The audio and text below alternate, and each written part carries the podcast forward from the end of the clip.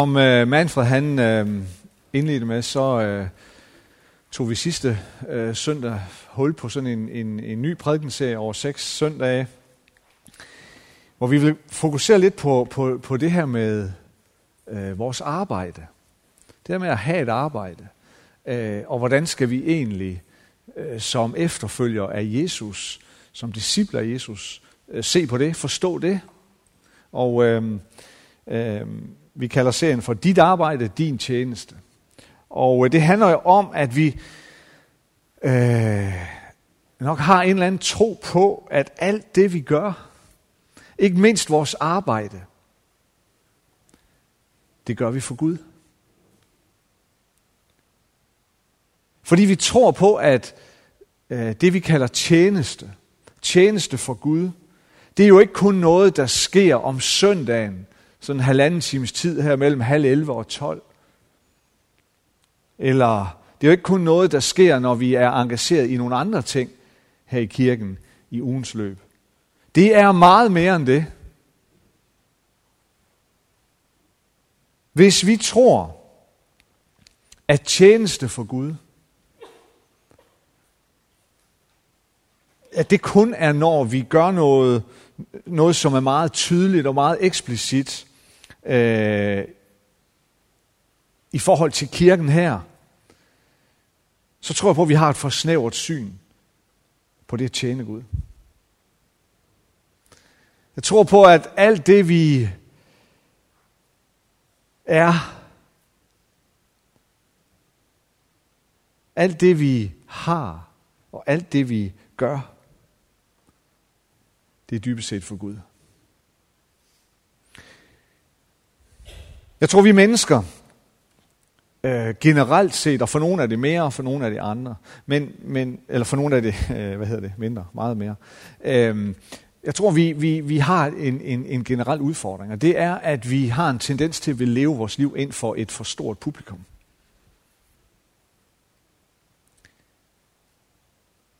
At vi vil gerne, øh, vi, vi, vi, at vi tror, at verden er vores publikum. Og det kan så være større eller mindre, det kan være forskellige sammenhænge osv. Men det, at, at det, er, det, er, øh, det er deres bedømmelse af mit liv, der tæller. Og allerede der tror jeg, vi er inde på et skråplan. Jeg tror, vi har et publikum på en, og det er Gud. Ham, der har skabt os, ham, der har givet os livet, ham, der øh, altid er hos os, det er ham, vi lever vores liv ind for. Det er ham, der yderst set og dybest set skal bedømme os. Han er vores publikum. Vi har et publikum på én. Alt vi er, alt vi har, alt vi gør, er for Gud.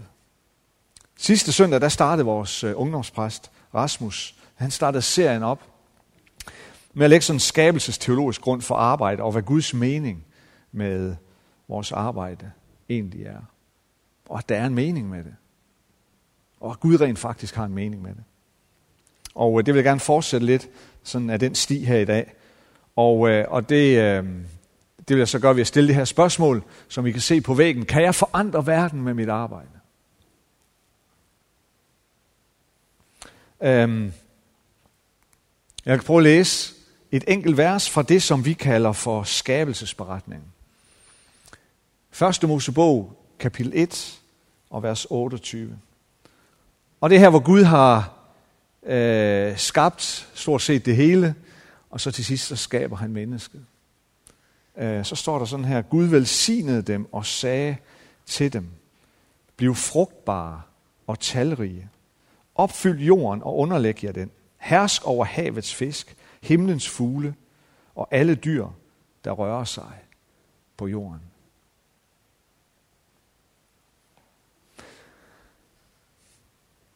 Den her beretning, den fortæller om, hvordan Gud plantede en have i Eden, ude mod øst.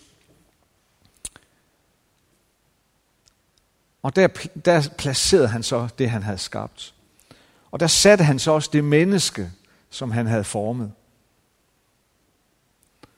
Og Gud lod alt godt vokse frem fra jorden.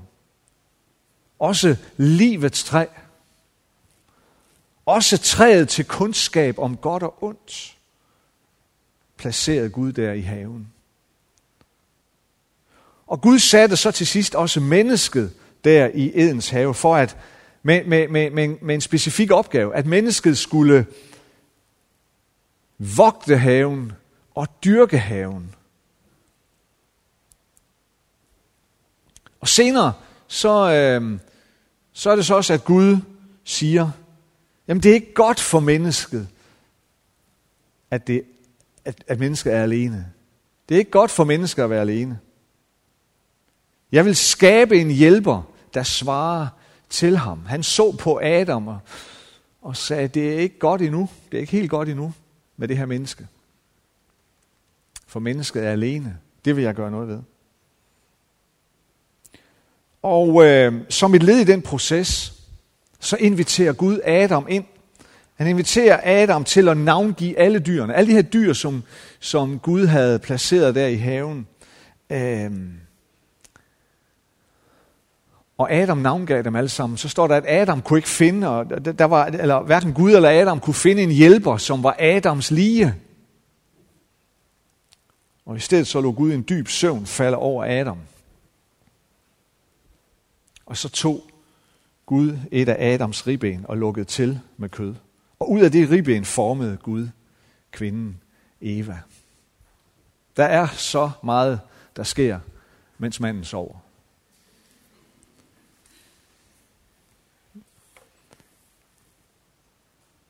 Som Rasmus var inde på sidste søndag,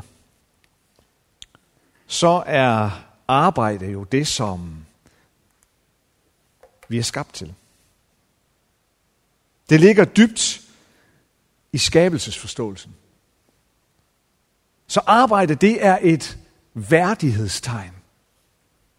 Det er et tegn på, at Gud har skabt os med værdighed. Og givet os værdighed. Vi tjener Gud, når vi er arbejdende, når vi er skabende, når vi er kreative. Og ikke mindst, når vi sammen opbygger kultur. Og det skal jeg vende tilbage til. Men historien om det, der skete i skabelsen, i haven, Eden derude mod øst, er en fantastisk beskrivelse af, hvad vækst er. Hvad det vil sige at vokse som menneske, og i relationen med Gud. For at menneske kunne vokse, også åndeligt set, så var der både et guddommeligt og et meget konkret ord, som mennesket skulle adlyde. Du må spise af alle træerne i haven, men træet til kundskab om godt og ondt må du ikke spise af, for den dag du spiser af det, skal du dø.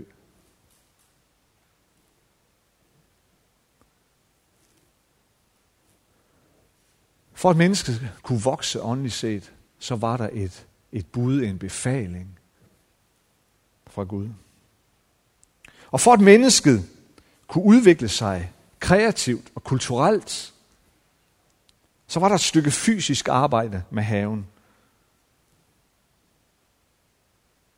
Der står, at Gud tog mennesket og satte ham i Edens have, for at han skulle dyrke og vogte den. Og endelig så giver Gud også mennesket en mental opgave, en, en kreativ opgave med at navngive alle dyrene.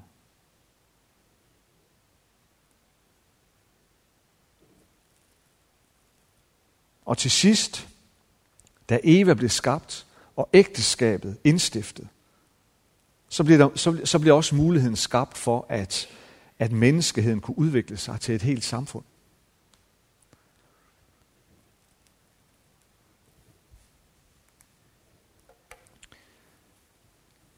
Befalingen, som Gud giver til mennesket, det er, at vi skal underlægge os jorden og herske over den. Jeg ved ikke, hvordan du har det, når du hører ordene herske eller underlægge.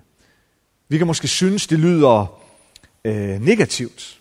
Måske endda sådan nærmest lidt, øh, lidt voldeligt. Men jeg tror ikke, det er det, der er tale om. Jeg tror slet ikke, det er det, der er i Guds tanke. Fordi vi skal tænke på, at Gud, Gud giver mennesket den her befaling. Inden søndefaldet. Altså inden første Mosebog kapitel 3. Mens det hele endnu var godt, ja, perfekt. Det er i den kontekst, at Gud siger til mennesket, du skal underlægge dig jorden, og du skal herske over det. Så jeg tror mere, at vi skal se på det på den her måde, at Gud har skabt jorden.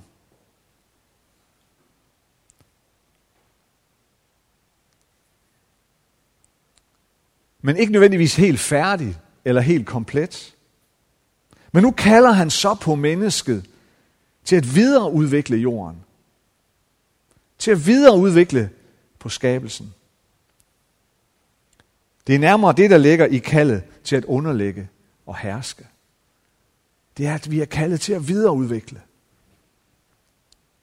Vi er kaldet til, så langt som vi overhovedet kan, at være lidt ligesom Gud. Fortsætte hans værk. Hvor er det fantastisk, at Gud beder Adam om at navngive alle dyrene.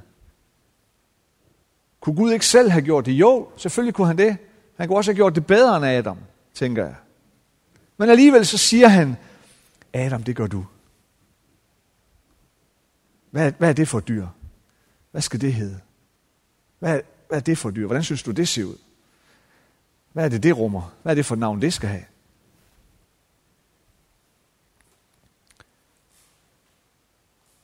Det er Gud, der siger til os, I er forvaltere, som skal videreudvikle på det, jeg har skabt.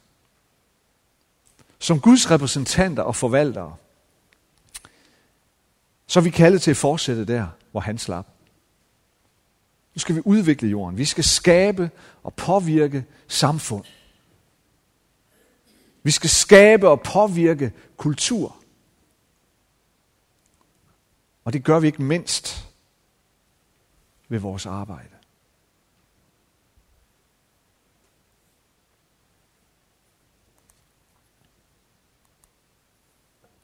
Jeg synes, det er fantastisk, at Gud allerførst satte mennesket i en have. Fordi det at arbejde med planter og vækster af forskellige slags, det er jo præcis det billede, vi skal forstå. Når vi skal forsøge at forstå det her med, at vi er kaldet til at skabe en god kultur i vores verden. Vi er som gardnere. Væksterne er nok skabt af Gud. Det er de. Og Gud har skabt dem med vækstpotentiale. Men det er op til os at videreudvikle det. Det er op til os at arbejde med de vækster, så de her vækster rent faktisk også når sit vækstpotentiale.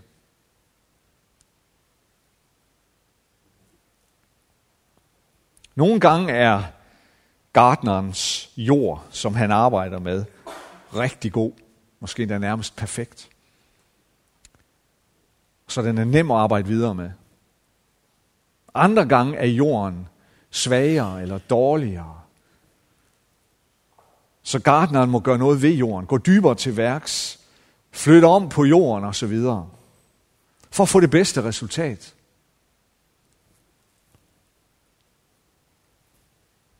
Hver gang vi bringer orden i kaos. Det er jo det, skabelsesberetningen handler om. At Gud skabte orden i kaos. Og så har han givet os opgaven til at fortsætte. Indimellem så er der kaos i vores verden. Og Gud har kaldet os til at bringe orden i kaos. Hver gang vi skaber orden i kaos, hver gang vi bruger vores kreative og skabende evner, hver gang vi udfolder, hver gang vi udbygger, hver gang vi folder skaberværket mere ud, end det var, da vi kom, så er vi med til at skabe kultur. Så er vi i gang med kulturel udvikling. Der er en årsag til, at ordet kultur kommer af det her med at kultivere. Eller det hænger sammen med det at kultivere, at, at, at opdyrke. Kultur er noget, der arbejdes på og arbejdes med. Som de gardnere vi er. i hans rige.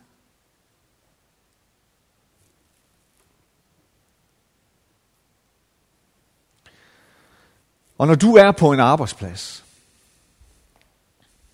eller et studiested, så er du jo en del af et fællesskab. Et arbejdsfællesskab. Under en eller anden form. Og i sådan et arbejdsfællesskab, så er der altid en kultur. Der er altid en måde, hvorpå det fællesskab er sammen på. Der er altid en ganske bestemt måde, hvor det fællesskab det får udtryk. Der er altid en bestemt måde, hvorpå man arbejder sammen, eller der er en bestemt måde, hvorpå man, man har fællesskab i, en, i kaffepausen, eller frokostpausen, eller når der skal udføres øh, opgaver, eller når man bare lige møder en på gangen. Der er altid en kultur. Og vi bliver på en eller anden måde, du bliver på en eller anden måde draget ind i en ganske bestemt kultur. Og en kultur kan være god, den kan være stærk, den kan være sund. Men kulturen kan jo også være det modsatte. Den kan være usund. Den kan være dårlig. Den kan måske, der kan måske endda være en syg kultur.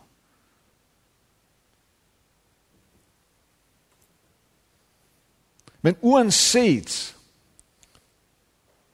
hvordan den kultur er nu, så kommer du ind som den gartner, du er. Som Guds skabning og som en disciple af Jesus, så kommer du ind der, og så er du den gartner, hvad enten du vil det eller ej.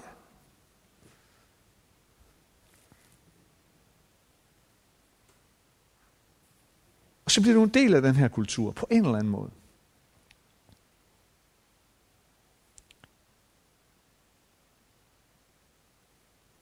Og det er så der, du måske begynder at få øjnene op for, for nogle ting. Du begynder måske at opdage, at der er noget i den kultur, som, som hersker på, på, på dit arbejde, som, som måske øh, kolliderer, som clasher, eller som crasher hedder det vist, med, med den kultur, som du som et barn af Gud og en efterfølger af Jesus Kristus bærer med dig, og som du gerne vil have, skal være herskende der, hvor du nu også tilbringer så mange timer hver dag. Indimellem så kan vi opleve det. Det kan være sproget. Det kan være måden, hvorpå dine kolleger er sammen. Det kan være måden, hvorpå dine chefer øh, behandler dig. Eller cheferne behandler alle de ansatte på en eller anden ganske bestemt måde. Det kan være en masse regler, skrevne eller uskrevne, som du øh, ikke rigtig kan forstå eller har svært ved at afkode. Eller som simpelthen bare på en eller anden måde gør livet svært eller sværere for dig. Måske også for dine kolleger, efter din opfattelse. Der kan være så mange måder, hvorpå den der kultur, som er på dit arbejde, at du kan måske opleve, at den, den kolliderer med noget ind i dig. Noget, du bærer med dig. Og det er da et dilemma. For hvad gør du? Hvad gør du ved det? Hvordan agerer du i det dilemma? Jeg tror, det kan uden tvivl være rigtig, rigtig svært. For det kan sagtens give dig en oplevelse af, at du skal svømme mod strømmen. Og det er ikke det letteste her i verden, at svømme mod strømmen. Og der er noget, og det er svært at komme udenom, tror jeg, men der er noget i det at være en efterfølger af Jesus, som per definition kalder os til at svømme imod strømmen i stedet for at svømme med strømmen. For eksempel så, øh, så skriver Paulus sådan her til menigheden i Rom. Tilpas jer ikke denne verden. Men lad jer forvandle ved at sindet fornyes, så I kan skønne, hvad der er Guds vilje, det gode, det som behager ham, det fuldkommende.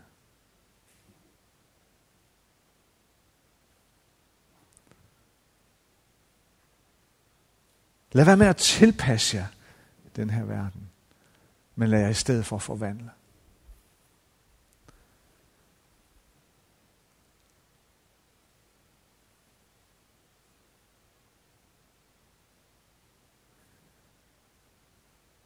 Jeg tænker nogle gange, at der er sådan, ligesom, der er sådan to ting i det her. Ikke? Der, der er noget, vi ikke skal gøre, og så noget, vi skal gøre.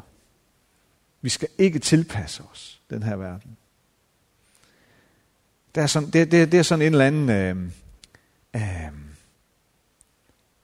aktiv handlen, eller aktiv ageren fra vores side. Der er nogle ting, jeg skal være opmærksom på. At jeg ikke bliver opslugt. At jeg ikke bliver tilpasset den her verden. Det er sådan det, er sådan det aktive. Og så siger Paulus, det, det du i stedet for skal gøre, det er, at du skal lade dig forvandle. Der kan vi ikke gøre så meget, ud over at vi bare kan stille os til rådighed for Gud, og for så sige, Jesus, du må forvandle mig. Du må forvandle mig. Det kan jeg ikke gøre selv, men jeg kan bare stille mig til rådighed. Der er et aktivt valg, jeg må træffe, eller det er der i begge tilfælde. Og ikke lade mig tilpasse, men også et aktivt valg om at sige, Jesus, nu må du komme. Nu må du gøre det, du kan.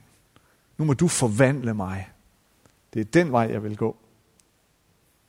Sådan, så jeg bliver i stand til at kunne vurdere rigtigt. Til at kunne skønne, hvad der er Guds vilje, siger Paulus. Det gode, det der behager ham, det er fuldkommende.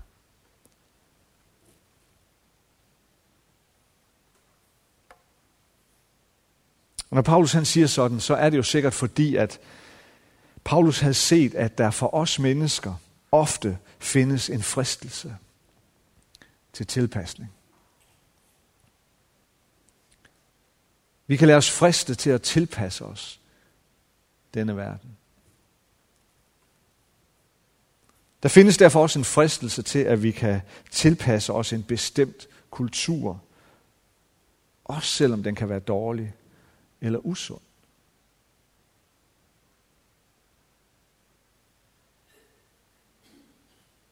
Fordi vi måske ikke ser det, eller ikke reflekterer over det, eller måske ser vi det nok, men vi magter ikke det aktive valg, det er at sige, nej, jeg vil ikke tilpasse mig. En usund kultur. Men der er den fristelse. Tilpasning betyder, at vi assimileres, at vi opsluges af den herskende kultur. Vi falder i et med tapetet.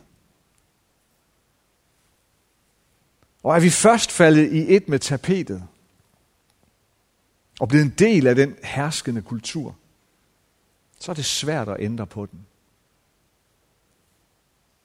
Det er svært at svømme mod strømmen når vi først har valgt at svømme med den.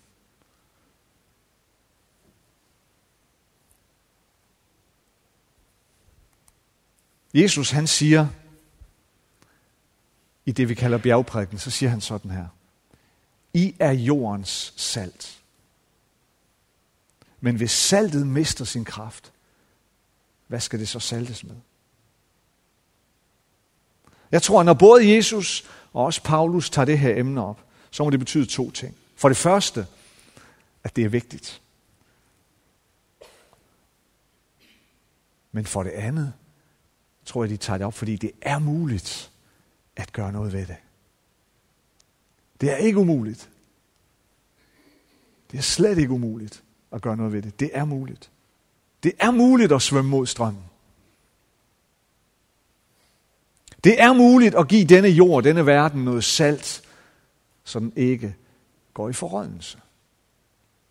Du kan gøre det. Det er muligt at være den gartner, vi er kaldet til at være, når vi kommer ind og bliver en del af et arbejdsfællesskab for eksempel, hvor der måske er en dårlig eller usund kultur. Det er muligt at kultivere jorden, at arbejde med den. Det er muligt at begynde at få den ændret fra, fra dårlig jord til god jord.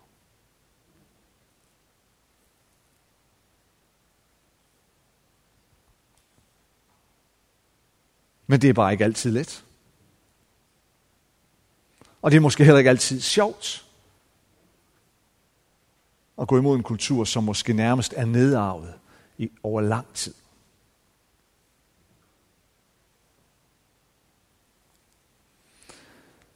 Men der er selvfølgelig heller ikke nogen, der har lovet os, at det at være en efterfølger, efterfølger Jesus altid er let og enkelt.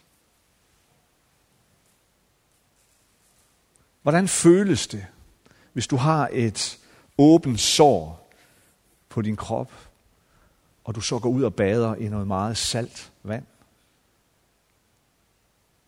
Det ved vi alle sammen. Det sviger. Det gør ondt. Det kan mærkes. Det er ikke særlig rart. Men måske kan det være det bad, der bliver starten på, at dit sår, det heles.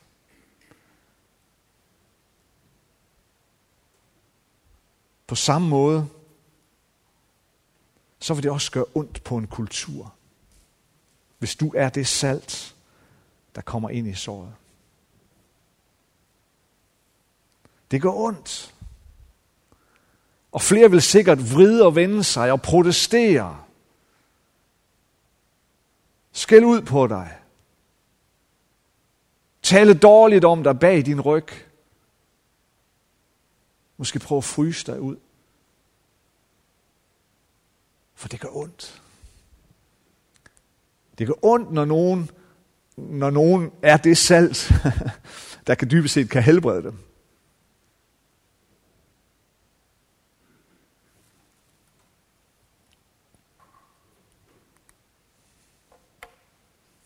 Kan jeg forandre verden med mit arbejde? Det er jo det, sådan, det er lidt et kægt spørgsmål, ikke?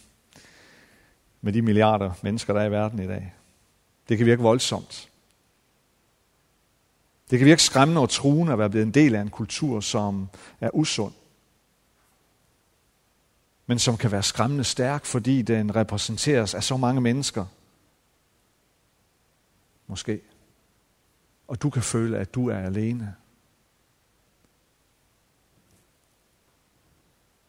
Det føles som gardneren, der står over for en flere kvadratkilometer stor mark, som skal kultiveres. Men gardneren står bare der med sin lille håndskovl.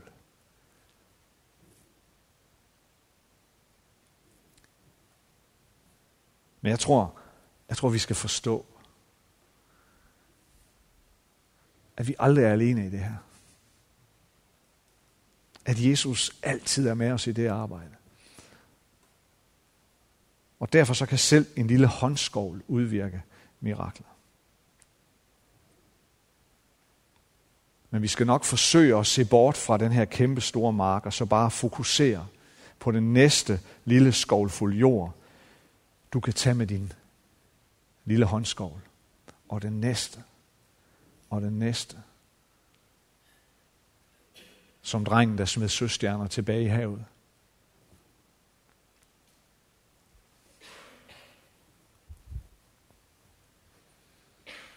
Hvad betyder det for Hvad betyder det for Manfred eller Flemming, som arbejder i finanssektoren? Har, har finanssektoren et godt ry i vores samfund? Nej, det har den måske ikke.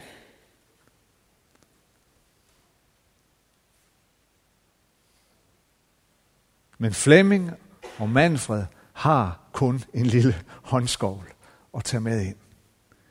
Men det starter der, hvor de siger, jeg vil i dag agere anderledes end det, som folk siger om mig, eller end det, som folk siger om vores branche.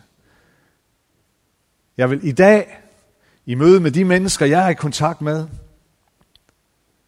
vise, At den her, at den her branche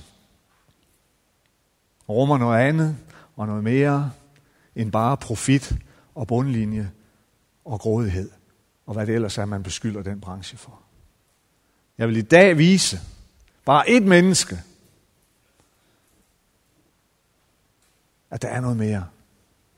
At jeg rent faktisk kan gøre det, min arbejdsgiver beder mig om, og samtidig være tro mod de værdier, jeg er blevet givet, og jeg lever efter.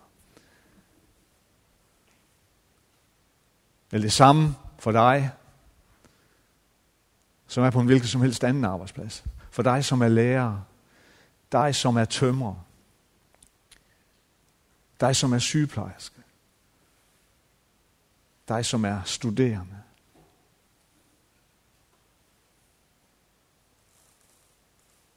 Hvad betyder det for dig, som måske er håndværker på en øh, mandsdomineret arbejdsplads, hvor tonen kan være ganske speciel? Hvor tonen måske nogle gange er sexistisk. Du har kun din lille håndskov.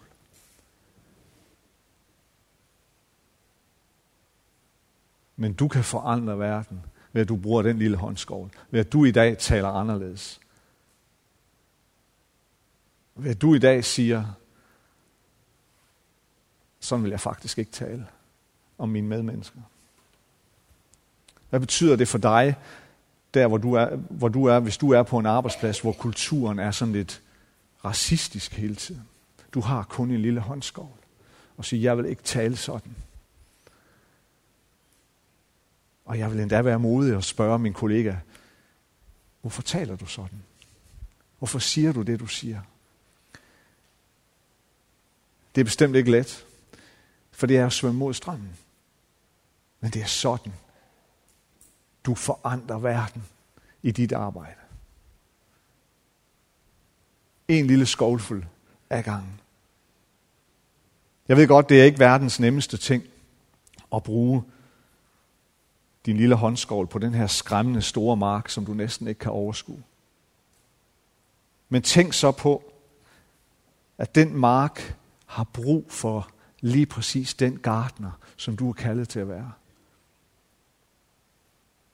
Tænk på, at den måde, som verden stort set altid er blevet ændret på op igennem historien, fra det dårlige til det bedre, det er ved, at enkelte personer er begyndt at bruge deres lille håndskovl på den store mark.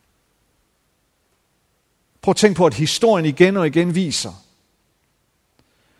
at forandring det meget ofte kommer nedefra, og ikke specielt meget opfra.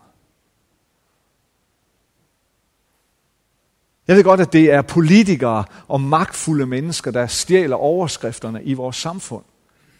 Nogle gange så tror vi, at verden, forandring af verden, den skal komme fra vores politikere. Kan jeg venner, se på de politikere, vi har. Og jeg har stor respekt for dem, der går ind i politik. Men, men forandring af vores verden kommer ikke derfra. Jeg tror ikke på det. Forandring, den kommer nedefra. Og det viser historien også. At det er der, hvor ganske almindelige mennesker, helt almindelige mennesker som du og jeg, tager og bruger deres lille håndskovl i det lille hjørne af marken, hvor de er.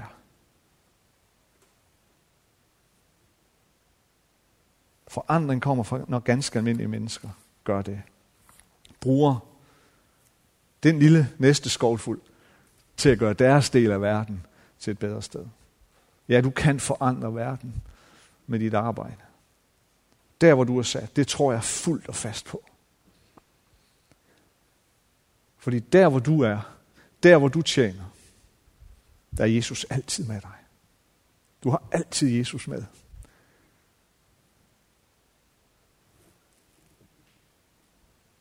Men det kræver mod. Det kræver rigtig meget mod. Det skal være den første indånd. Det kræver, at vi hver dag kigger Jesus i øjnene. Og hver dag beder ham om at holde os i hånden. Og hver dag beder ham om at gå med os derind på den store mark. Og hver dag beder ham om at sige, Jesus, gå med mig. Hjælp mig. Tag min frygt. Tag min uro. Tag min bekymring. og giv mig tro på, at jeg kan det her. Skal vi bede sammen?